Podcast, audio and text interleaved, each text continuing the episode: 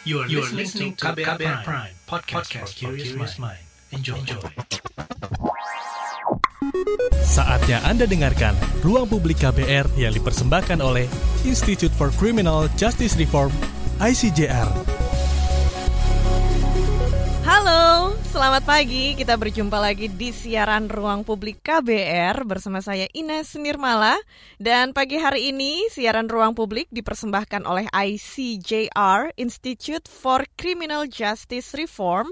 Dan tema yang kita bahas pagi hari ini seputar UU ITE dan akses terhadap keadilan.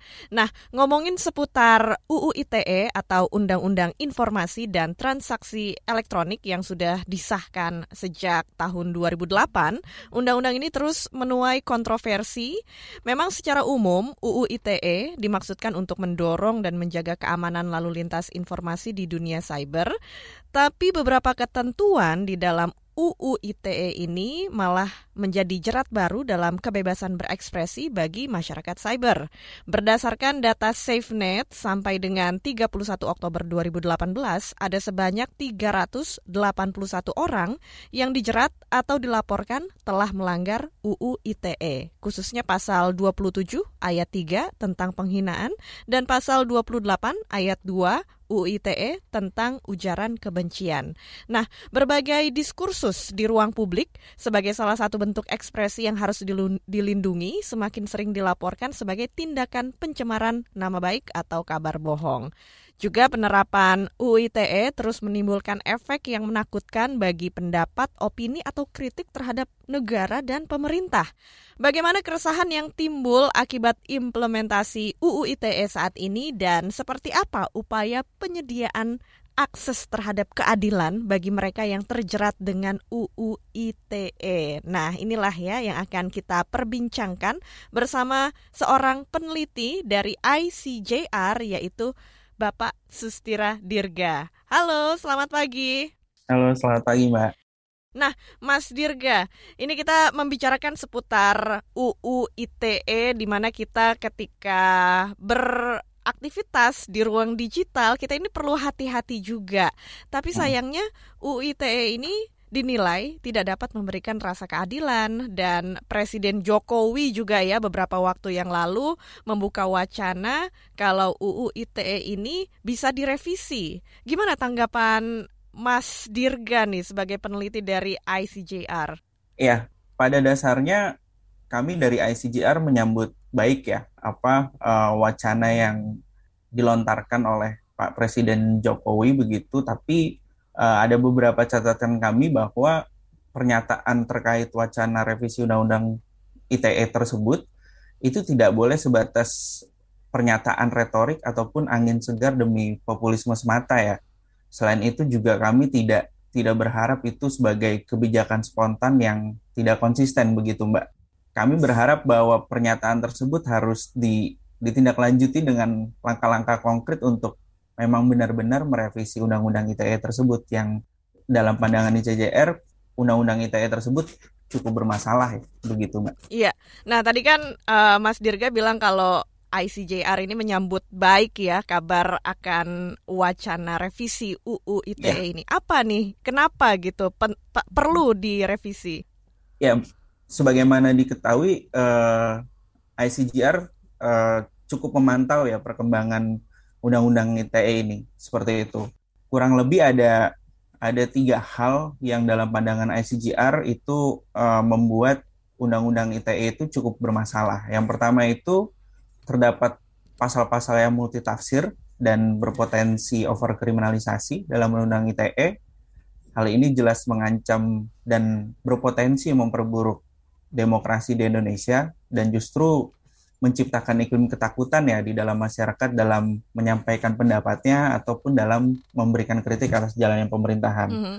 Yang yang kedua ini terkait dengan proses fair trial, Mbak, dalam ketentuan uh, upaya paksa atau dalam ketentuan penangkapan, penahanan, penggeledahan dan penyitaan yang mana jika di jika ada revisi undang-undang ITE itu harus di apa harus didorong untuk mendukung pembaharuan uh, hukum acara pidana melalui uh, rancangan Kitab Undang-Undang Hukum Acara Pidana. Sebagaimana diketahui bahwa revisi Undang-Undang ITE tahun 2016 itu memberikan justru menghapus mekanisme upaya paksa dalam bentuk uh, izin penetapan dari pengadilan untuk melakukan upaya paksa yang sebelumnya sudah diatur di tahun 2008, Undang-Undang ITE 2008. Namun di 2016 upaya upaya paksa tersebut justru menjadi diskresi sepenuhnya dari aparat penegak hukum, Mbak. Mm-hmm. Seperti itu dan menghilangkan izin dari ketua pengadilan. Ini yang menurut kami uh, cukup berbahaya dan akhirnya berpro- berpotensi melanggar melanggar uh, proses fair trial tersebut begitu. Mm. Yang ketiga ini terkait dengan pengaturan mengenai blocking dan filtering yang juga harus direvisi dalam pandangan kami. Uh, walaupun dalam pandangan kami memang uh, kewenangan tersebut seharusnya dimiliki oleh pemerintah, namun perlu adanya kontrol yang seimbang agar tidak terjadi kesewenang-wenangan seperti itu. Mm-hmm. Hal ini untuk menjamin hak setiap orang atas uh, informasi dan juga untuk menjamin berjalannya asas-asas pemerintahan yang baik seperti itu, Mbak. Iya, Tadi juga Mas Dirga sebutkan ada pasal yang multi tafsir atau bisa menjadi over kriminalisasi. Kalau revisi ini wacananya akan dilakukan, pasal apa saja di dalam UU ITE yang perlu untuk direvisi? Oke, yang pertama itu ada pasal 27 ayat 1 Undang-Undang ITE ya Mbak, mm-hmm. terkait dengan apa distribusi konten kesusilaan seperti itu. Yeah.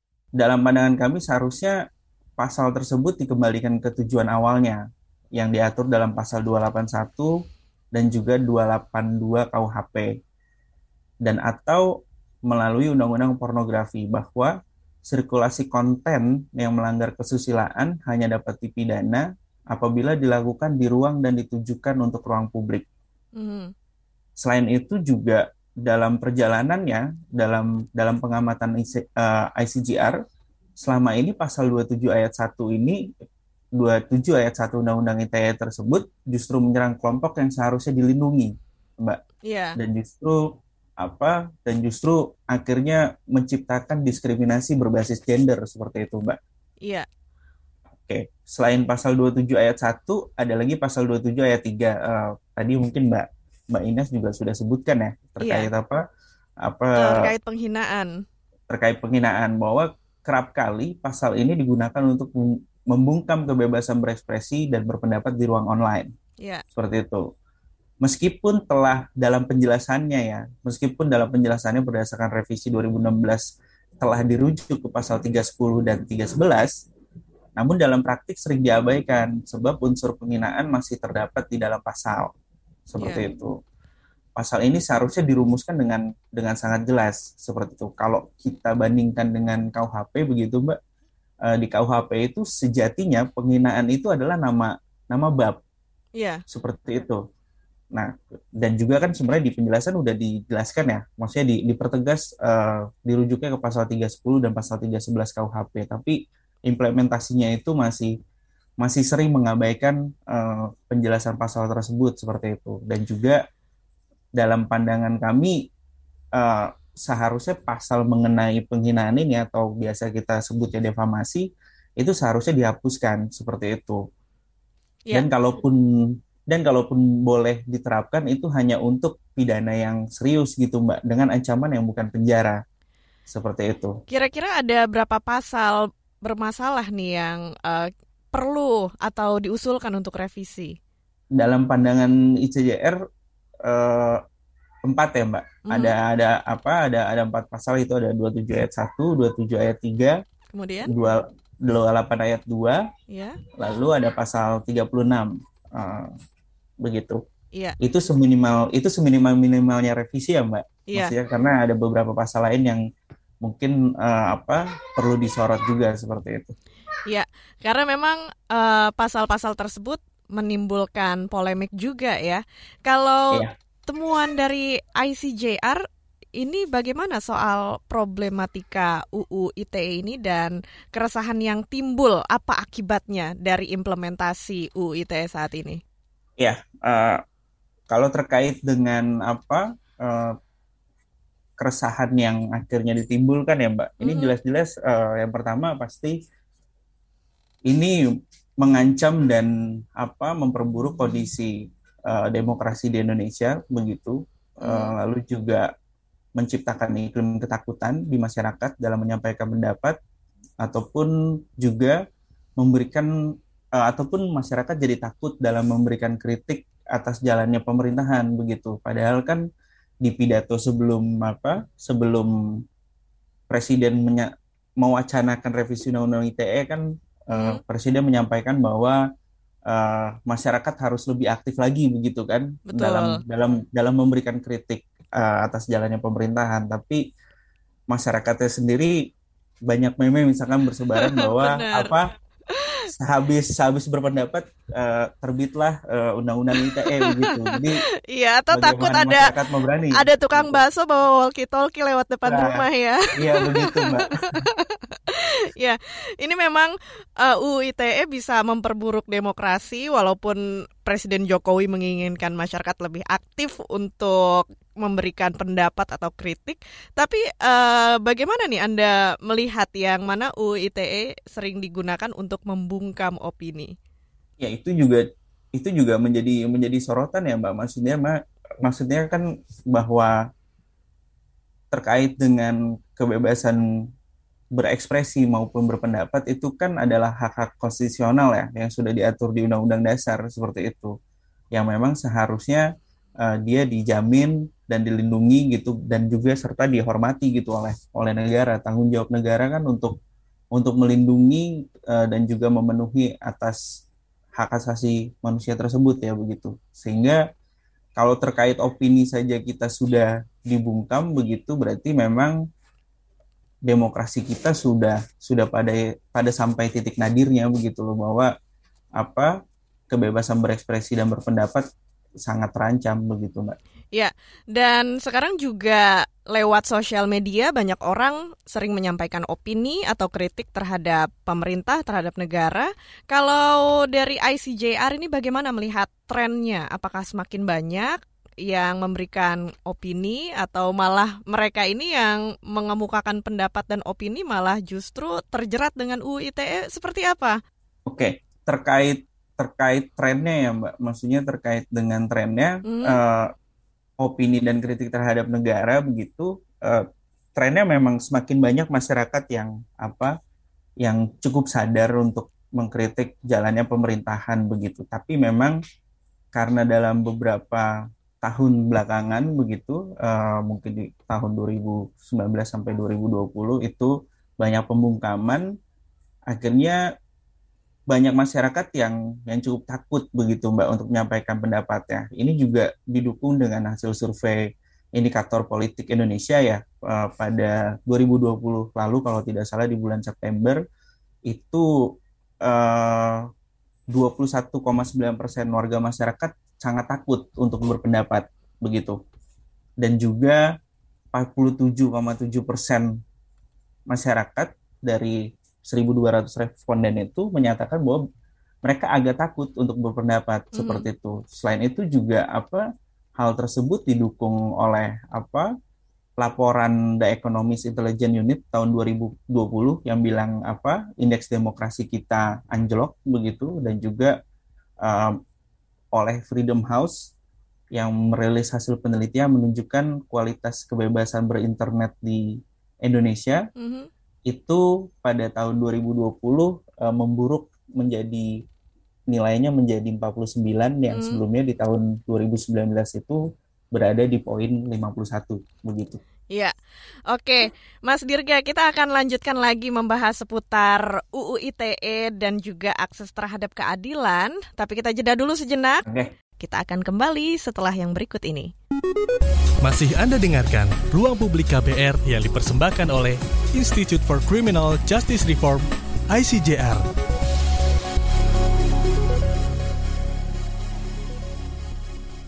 Commercial break.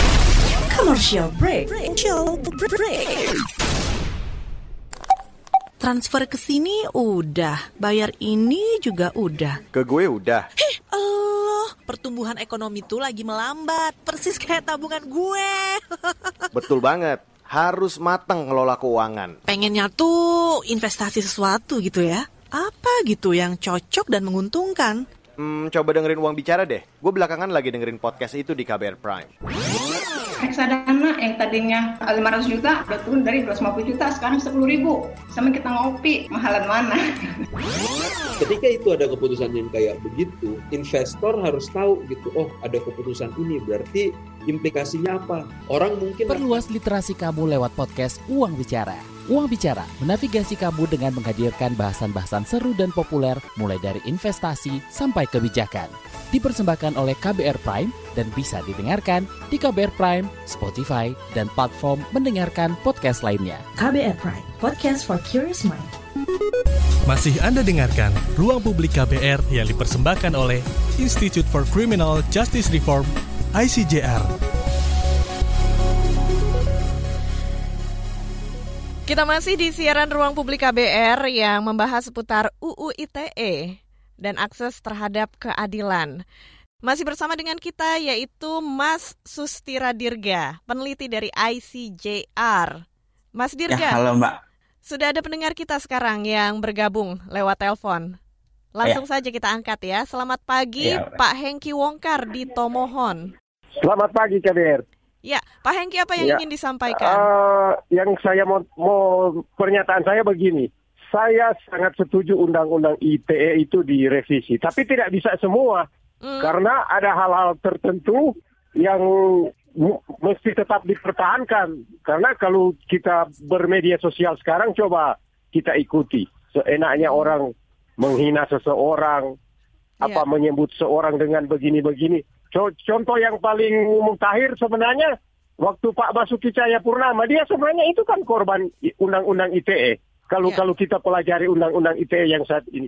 Dan di undang-undang ITE kan yang kena cuma yang yang memposting kan yang menyal yang me, apa apa istilahnya itu yang ada di apa, dalam video ya, gitu ya yang me, yang mempostingnya ke ke umum kan yeah. itu kan yang kena kalau isinya kan tidak sebenarnya tapi memang kalau kalau menurut saya memang bisa saja itu direvisi tapi tidak bisa semua.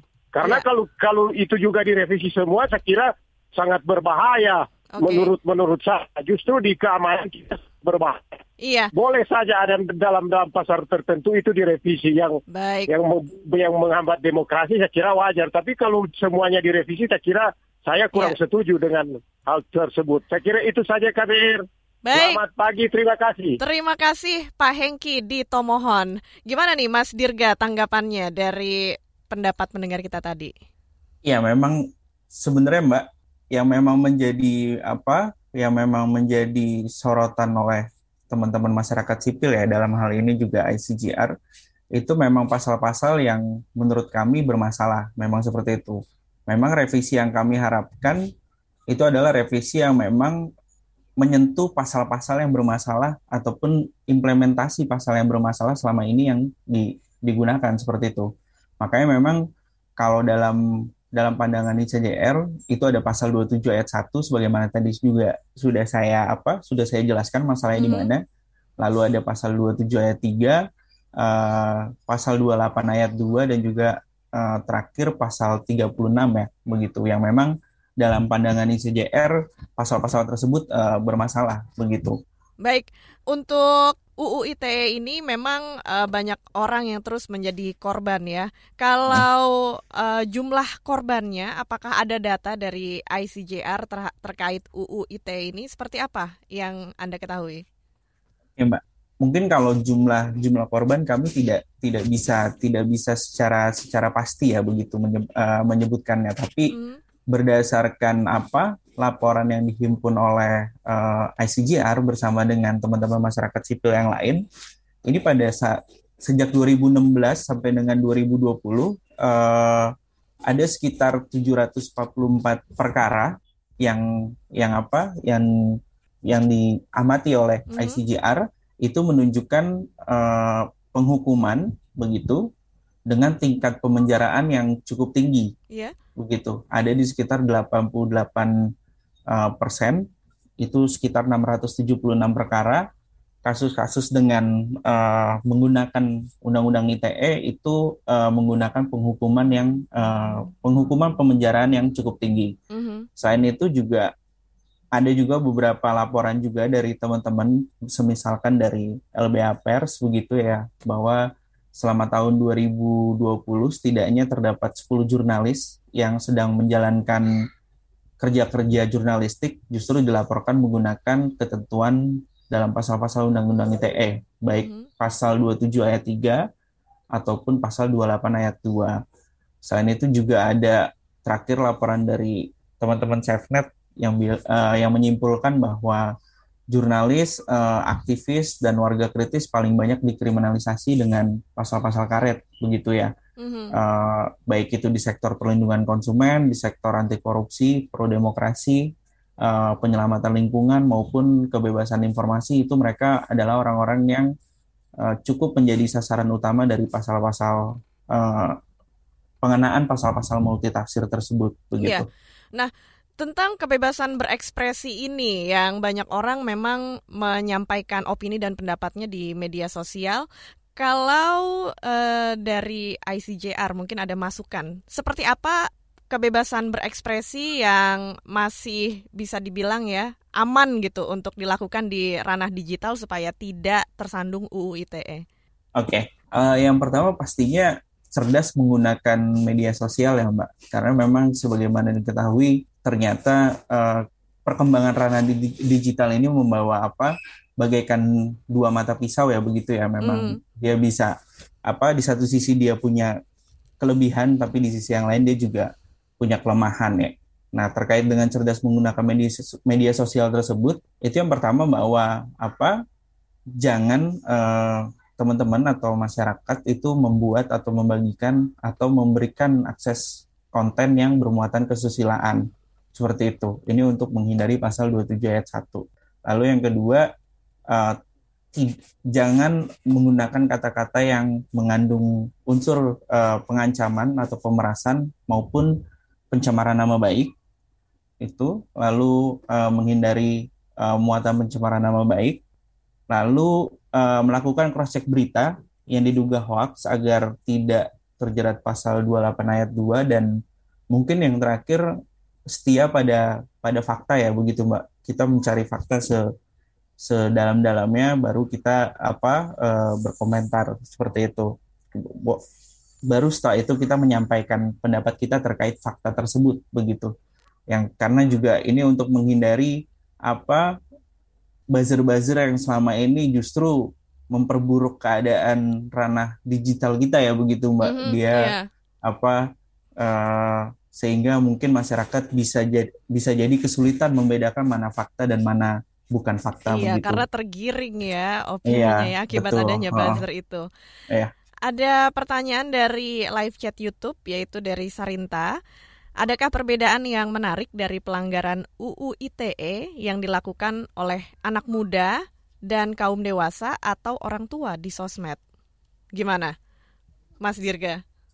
Kalau untuk kalau untuk itu sejatinya memang apa memang kita belum belum memetakan ya mbak mm-hmm. uh, terkait dengan apa penggunaan pasal-pasal dalam undang-undang ITE menyasar kelompok apa kelompok muda maupun kelompok usia lanjut begitu tapi dalam dalam pemetaan singkat begitu bahwa memang yang menggunakan apa yang menggunakan media sosial ini umumnya adalah anak muda begitu yeah. anak muda umumnya memang yang dikenakan terhadap anak muda bisa jadi punya potensi lebih besar dibanding uh, usia lanjut begitu ya. Yeah. Terakhir ada kasus siapa uh, seorang warga di Solo, seorang pemuda di Solo mm -hmm. yang dipanggil oleh Kapolresta Solo ya begitu kalau tidak salah terkait dengan apa cuitan dia di di Instagram yang mengomentari uh, terkait Piala Menpora yang diminta direncanakan diadakan di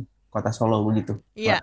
Nah, ini di sosial media juga baru-baru ini ya ada uh, yang namanya polisi cyber. Nah, iya. kalau menurut Mas Dirga gimana nih tentang arah dari polisi cyber? Apakah memang bisa efektif untuk membuat uh, ruang digital atau media sosial ini menjadi bersih? Gimana, iya. Mas? Kalau terkait dengan polisi cyber ya begitu uh, memang ini masih menjadi masih menjadi menye, masih menjadi polemik ya dalam dalam apa dalam pandangan ICJR bahwa seharusnya polisi cyber itu fokusnya terhadap kejahatan-kejahatan yang memang uh, menggunakan sarana-sarana elektronik begitu ya. Uh, sebagaimana kita ketahui misalkan bahwa sebelumnya selain muncul apa selain uh, ramai soal pemuda Solo itu kita yeah. juga di di apa dikejutkan dengan uh, penipuan berbasis teknologi ya, semisalkan penggantian data pribadi segala macam terkait dengan kartu kredit uh, salah satu bank ataupun penggunaan uh, mekanisme uh, keuangan uh, oleh masyarakat yang akhirnya itu di, dicuri dan apa disalahgunakan begitu ya. Seharusnya dalam pandangan ICJR polisi virtual fokus terhadap kejahatan-kejahatan tersebut begitu ya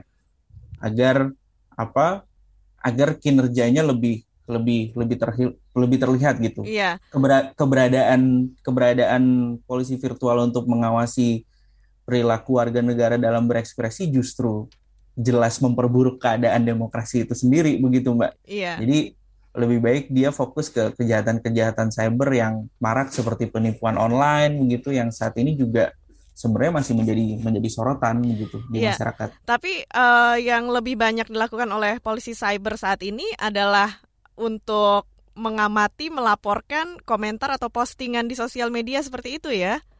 Iya Mbak, betul. Jadi yang kami lihat kerjanya hanya hanya DM aja begitu. Ngirim DM, mohon iya, dihapus postingan Anda gitu ya. Iya. Oke, baik Mas Dirga, kita akan lanjutkan lagi berbincang-bincang seputar UU ITE dan akses terhadap keadilan dan bagaimana nanti peran ICJR terhadap orang yang membutuhkan akses terhadap keadilan ya akan kita bahas setelah ini Mas Dirga. Dan untuk Anda, jangan ke mana-mana, tetap di ruang publik KBR. Masih Anda dengarkan Ruang Publik KBR yang dipersembahkan oleh Institute for Criminal Justice Reform, ICJR. Kita masih di siaran Ruang Publik KBR dan tema yang kita bahas pagi hari ini seputar UU ITE dan akses terhadap keadilan. Masih bersama saya Ines Nirmala dan juga peneliti dari ICJR, Sustira Dirga.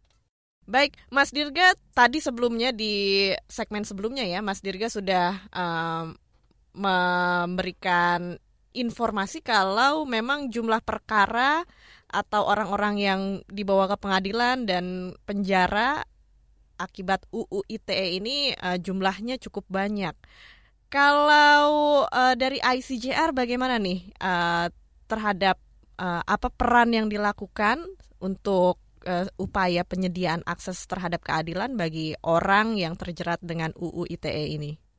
Ya, ICJR sendiri uh, berperan dalam apa mengambil peran begitu ya Mbak itu turut aktif dalam setiap proses pengambilan kebijakan uh, negara termasuk di dalamnya pembentukan peraturan perundang-undangan begitu yang mana hari ini uh, ada wacana ya begitu hmm. terkait dengan undang-undang ITE mau direvisi uh, kami pastinya uh, memberikan masukan kritis dan juga uh, hasil studi dalam rangka memastikan bahwa wacana revisi Undang-Undang ITE tersebut selaras dengan kewajiban negara untuk menghormati, memenuhi, dan melindungi hak asasi manusia. Selain itu juga ICJR mengambil peran untuk apa menyelenggarakan pelatihan dalam rangka penguatan kapasitas uh, para penyelenggara negara begitu yang guna memastikan teraplikasikannya prinsip-prinsip perlindungan hak asasi manusia. Dan yang terakhir ICJR juga terus melakukan kampanye publik untuk meningkatkan kesadaran warga negara. Begitu.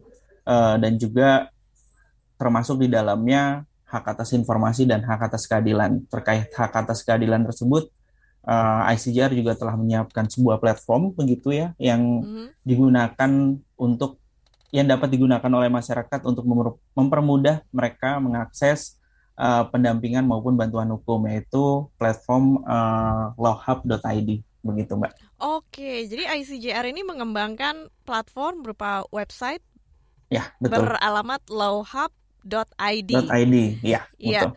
Apa yang disediakan oleh website ini? Di dalam apa lawhub.id tersebut merupakan aplikasi yang dikembangkan untuk menghubungkan penyedia jasa layanan hukum dengan warga masyarakat ya. Di Hmm. dalam aplikasi tersebut uh, ada beberapa ada informasi terkait dengan firma hukum terdekat, lalu juga layanan yang disediakan baik layanan hukum pro bono kepada masyarakat yang membutuhkan begitu, Mbak. Ya, dan ini apakah bisa diakses di seluruh Indonesia? Bisa, Mbak.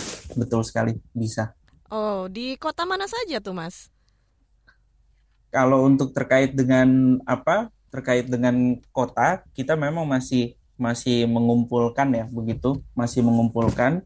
Tapi sejauh ini sudah uh, sudah ada cukup banyak di ibu kota ibu kota provinsi sudah kami catatkan beberapa uh, baik organisasi bantuan hukum maupun uh, firma hukum yang dapat dituju oleh masyarakat yang membutuhkan pendampingan maupun uh, bantuan hukum. Seperti itu, Mbak. Oh ya, dan menjangkau layanan yang disediakan oleh website Lawhub ID ini uh, semudah apa, Mas?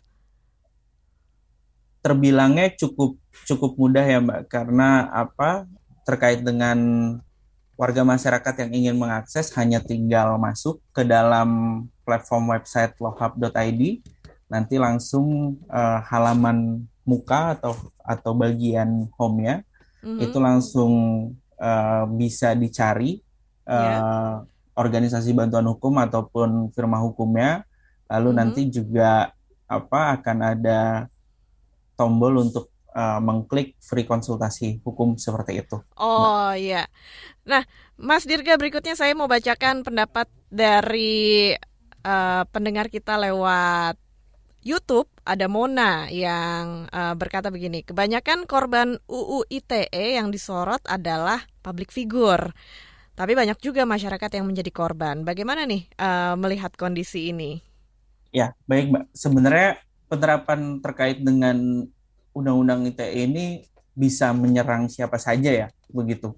Uh, dia tidak dia tidak membatasi pada apakah public figure atau atau bukan sebagaimana apa sebagaimana pernah eh, pernah disebutkan tadi sebelumnya begitu bahwa pasal-pasal karet yang ada di Undang-Undang ITE itu justru menyerang beberapa teman-teman jurnalis, eh, aktivis dan juga warga kritis seperti itu. Eh, baru saja kalau tidak salah kemarin itu juga baru keluar putusan terkait Undang-Undang ITE juga yang apa yang justru mengkriminalisasi warga kritis di di Medan kalau tidak salah yang dia bergerak sebagai uh, citizen journalism yaitu uh, Pak Pak Beni dan juga Pak Joniar ya mm -hmm. begitu yang sering kali apa uh, mengupdate di kanal YouTube-nya mereka begitu terkait dengan pelanggaran-pelanggaran yang dilakukan oleh uh, penyelenggara negara begitu dan justru mereka di di apa dikenakan pasal undang-undang ITE begitu. Oh gitu, berarti mereka sudah terciduk gitu ya oleh polisi yeah. ya. Oh. Oh. Nah, Mas Dirga, berikutnya kita juga akan uh, angkat telepon dulu dari pendengar kita. Ada Kana di Jakarta. Langsung saja kita sapa. Selamat pagi, Kana. Halo, selamat pagi. Iya, Kana, apa yang mau disampaikan? Ya, tadi kan sempat ngebahas soal uh, websitenya lawhub.id ya. Aku yeah. tertarik sih soal ini. Nah ini tuh dia memberikan layanan bantuan hukumnya itu sistemnya bagaimana. Terus layanan hukum seperti apa yang diberikan. Terus gimana cara menjangkaunya. Seperti okay. itu sih. Ada syarat-syaratnya nggak yang harus dipenuhi kalau ingin meminta bantuan ke lawhub.id ini? Ya itu saja pertanyaannya karena. Ya udah itu aja. Terima kasih karena di Jakarta. Baik, Mas Dirga, bagaimana caranya nih berhubungan dengan lawhub.id? Terkait dengan bagaimana caranya masyarakat uh, mengakses lawhub, sebenarnya uh, sudah cukup sangat mudah. Uh, apa teman-teman tinggal masuk saja ke website lawhub.id. Nanti di sana ada ada pilihan-pilihannya begitu. Uh, nanti teman-teman juga bisa langsung klik gratis uh, free konsultasi hukum, gratis konsultasi hukum dan pencarian nanti uh, terkait dengan pendampingan dan lain sebagainya itu bisa ditindaklanjuti antara apa antara si pengakses dengan organisasi uh, bantuan hukum tersebut ataupun firma hukum tersebut seperti hmm. itu, Mbak. Iya. Terkait dengan syarat-syaratnya sih uh, sejatinya tidak tidak ada ya karena memang mm -hmm. uh, apa platform website Lohab ini uh, hadir untuk memberikan apa memberikan hak atas keadilan bagi semua semua lapisan masyarakat seperti itu. Iya. Nah, kalau kita membicarakan lagi seputar orang-orang yang menjadi korban UU ITE, mungkin mereka juga masih awam gitu, tidak pernah uh, punya pengalaman berurusan dengan hukum. Ya. Nah, ini ada pertanyaan dari Anton di Yogyakarta kalau ada yang jadi korban ketidakadilan dari UU ITE ini, bagaimana gitu kita bisa mencari pertolongan dan mendapat pendampingan itu ke mana gitu? Oke, okay. oke. Okay. Terkait langkah-langkah yang harus dilakukan ya Mbak, ter, uh, semisalnya uh, jika tersandung masalah uh, hukum, uh, apakah itu undang-undang ITE atau bukan, itu yang pertama pastinya adalah uh, segera mencari pendamping atau bantuan hukum terdekat seperti itu. Mm -hmm. Nah, kehadiran kehadiran lohab.id ini juga salah satunya untuk untuk mempermudah masyarakat dalam rangka mencari pendampingan dan bantuan hukum terdekat tersebut ya. begitu. Yeah. Lalu uh, yang kedua pasti terkait dengan uh, pencatatan kronologi kejadian sebaik-baiknya begitu bahwa akhirnya semua fakta uh, tercatat dengan dengan baik ya yang yeah. apa dan yang ketiga bersama jika sudah mendapatkan pendampingan atau bantuan hukum terdekat itu melakukan pengaduan ke lembaga pengawasan yang terkait begitu baik apakah itu Komnas HAM maupun Dewan Pers misalkan kasusnya apa hmm. menyerang menyerang jurnal apa teman-teman jurnalis begitu atau ke Komnas Perempuan jika korbannya adalah kelompok perempuan maupun lembaga pengawas lainnya seperti itu Mbak. Oh gitu jadi ada prosedurnya seperti itu ya.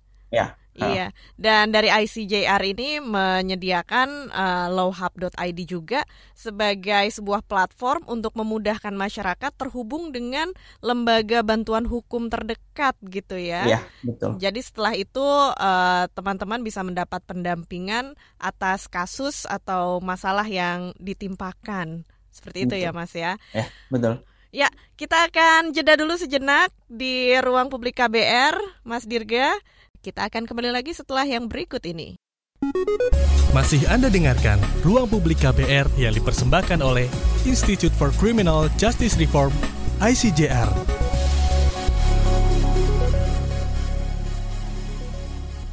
Commercial break. Commercial break. Commercial break. Suatu hari, virus berkumpul dan mulai kebingungan. Duh, bingung. Mau nyari mangsa ke mana lagi ya? Iya nih, semua orang pada pakai masker. Aku ada ide. Kita nongkrong di rumah makan aja gimana? Ngeliatin orang-orang yang lengah nggak pakai masker? Wah, ide yang bagus. Seru.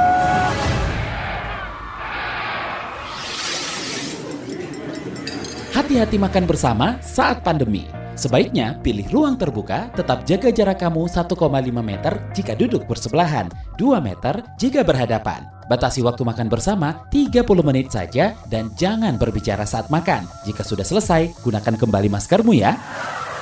Jangan sampai lengah, COVID masih ada. COVID masih ada. Pesan layanan masyarakat ini adalah kampanye bersama media lawan COVID-19. Masih Anda dengarkan Ruang Publik KBR yang dipersembahkan oleh Institute for Criminal Justice Reform, ICJR. Sekarang kita sudah masuk ke bagian terakhir ruang publik KBR masih bersama saya Ines Nirmala dan juga peneliti dari ICJR Sustira Dirga. Tema pagi hari ini adalah UU ITE dan akses terhadap keadilan. Siaran ruang publik dipersembahkan oleh Institute for Criminal Justice Reform atau ICJR. Mas Dirga, ada pertanyaan berikutnya dari pendengar kita lewat WhatsApp. Ada Vina ya. di Bekasi yang uh, komentarnya seperti ini. Di Indonesia banyak orang yang takut untuk uh, beropini. Kebebasan berpendapat ini juga uh, menakutkan untuk banyak orang. Mungkin kita bisa melihat ke negara-negara uh, Barat misalnya ya, yang orang-orangnya bebas untuk berpendapat gitu. Bisa nggak sih negara kita seperti itu? Kalau pertanyaannya bisa atau tidak, seharusnya bisa ya, Mbak maksudnya mm-hmm. uh, melihat bahwa memang sebenarnya terkait kebebasan berekspresi dan berpendapat itu merupakan hak-hak konstitusional yang sudah dijamin di dalam Undang-Undang Dasar 1945 begitu. Yeah. Seharusnya bisa uh, begitu, tapi uh, memang pastinya banyak banyak hambatan ataupun apa uh, faktor penghambat yang yang hadir begitu untuk apa untuk menutup ruang-ruang kebebasan berekspresi dan berpendapat di negara kita begitu. Ya, nah uh, memang uh, bisa dibilang negara kita itu masih uh, jauh ya dari uh, kebebasan berpendapat. Tadi Mas Dirga sendiri juga bilang bahwa tingkat uh, apa demokrasi gitu menurun ya Mas ya? Ya betul. Ya, ini uh, bagaimana yang dilakukan oleh ICJR atau teman-teman dari uh, koalisi lainnya untuk membuat uh, suasana kebebasan berpendapat ini lebih kondusif? Ya, uh, yang pastinya salah satunya kami uh, apa? Kami sangat mendorong begitu, mendorong hmm. dan juga mendesak kepada apa Pak Presiden untuk merealisasikan pernyataan terkait dengan uh, akan melakukan revisi Undang-Undang ITE karena memang terkait dengan kebebasan berekspresi dan berpendapat di negara kita ini pasti tidak akan tidak akan jauh-jauh dari uh, Undang-Undang ITE itu sendiri yang memang selama ini menjadi menjadi momok atas apa terhambatnya kebebasan berekspresi dan uh, berpendapat begitu ya selain daripada adanya eh, undang-undang lain ataupun pengaturan lain yang juga mungkin apa menghambat terwujudnya kebebasan berekspresi dan berpendapat di negara kita begitu ya mbak. Iya. Oke, berikutnya ada pertanyaan juga lewat WhatsApp dari Agus di Bandung. Pertanyaannya, uh, apakah dengan mendapat bantuan hukum gitu ya atau mendapatkan pendamping, ini bisa terbebas dari uh, jerat uh, orang yang terjerat UU ITE ini bisa terbebas dari uh, jeratan hukum seperti itu? Oke, kalaupun pertanyaannya apakah uh, akan pasti dibebaskan atau tidak, memang tidak. Tapi setidaknya dengan mendapatkan pendampingan atau bantuan hukum, setidaknya teman-teman ataupun warga masyarakat menjamin hak atas peradilan yang adil ya atau hak atas fair trialnya itu terpenuhi begitu mbak bahwa hmm. sebagaimana sebagaimana diketahui kan memang masih cukup banyak ya uh, warga masyarakat yang awam tentang hukum begitu yeah. uh, sehingga dengan adanya pendamping ataupun bantuan hukum itu akan akan mempermudah begitu akan mempermudah proses uh, hukumnya berjalan begitu hmm apakah nanti akan dibebaskan atau tidak ya memang tidak bisa diberikan jaminan begitu. Tidak bisa diberikan jaminan tapi yang pasti terjamin adalah hak-hak yang semestinya didapatkan ketika mengalami uh, proses hukum begitu mbak. Iya. Nah untuk uh, lembaga bantuan hukum ini yang menyediakan bantuan kepada masyarakat gini. Ini ada juga yang bertanya kalau saya tidak punya banyak uang bagaimana? Gitu bisa apakah bisa mendapat layanan gratis? Ya, uh, sebagaimana diketahui bahwa terkait dengan pendampingan maupun bantuan hukum uh, itu juga apa sudah ada undang-undangnya, begitu mm -hmm. Mbak? Sudah ada undang-undang terkait dengan bantuan hukum yang mana itu juga menjamin bahwa uh, akses terhadap keadilan itu juga diperuntukkan bagi kalangan ataupun masyarakat yang uh, kurang mampu, begitu.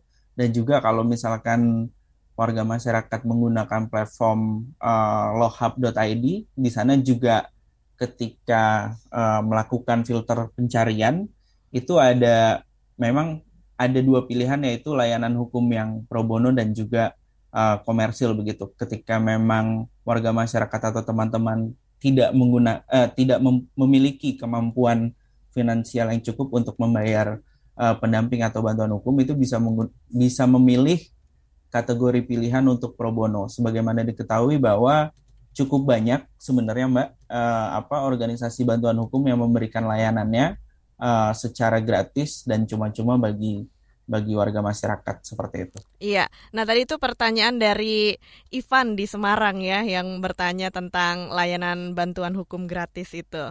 Okay. Iya. Dan juga uh, sebelum kita beranjak ya menutup siaran ruang publik hari ini. Apa pesan yang ingin Mas Dirga sampaikan seputar pembahasan kita pagi hari ini yaitu UU ITE dan akses terhadap keadilan?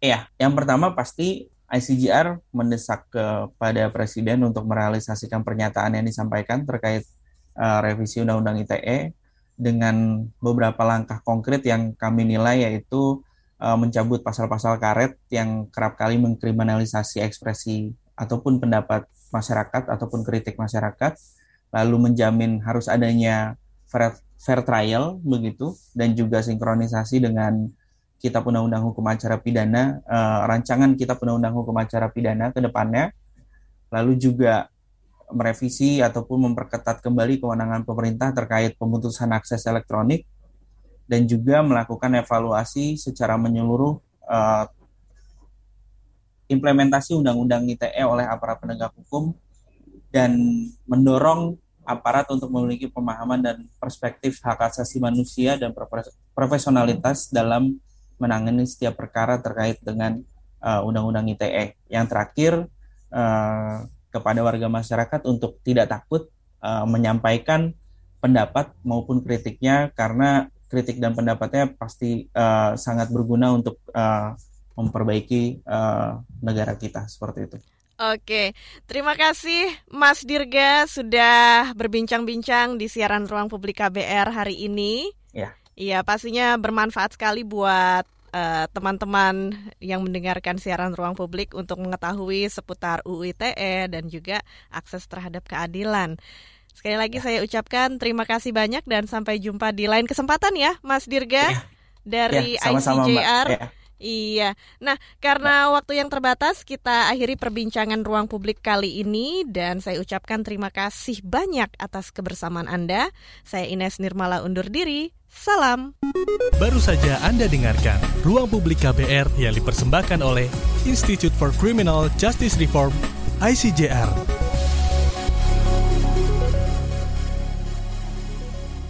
KBR Prime, cara asik mendengar berita. KBR Prime podcast for curious mind.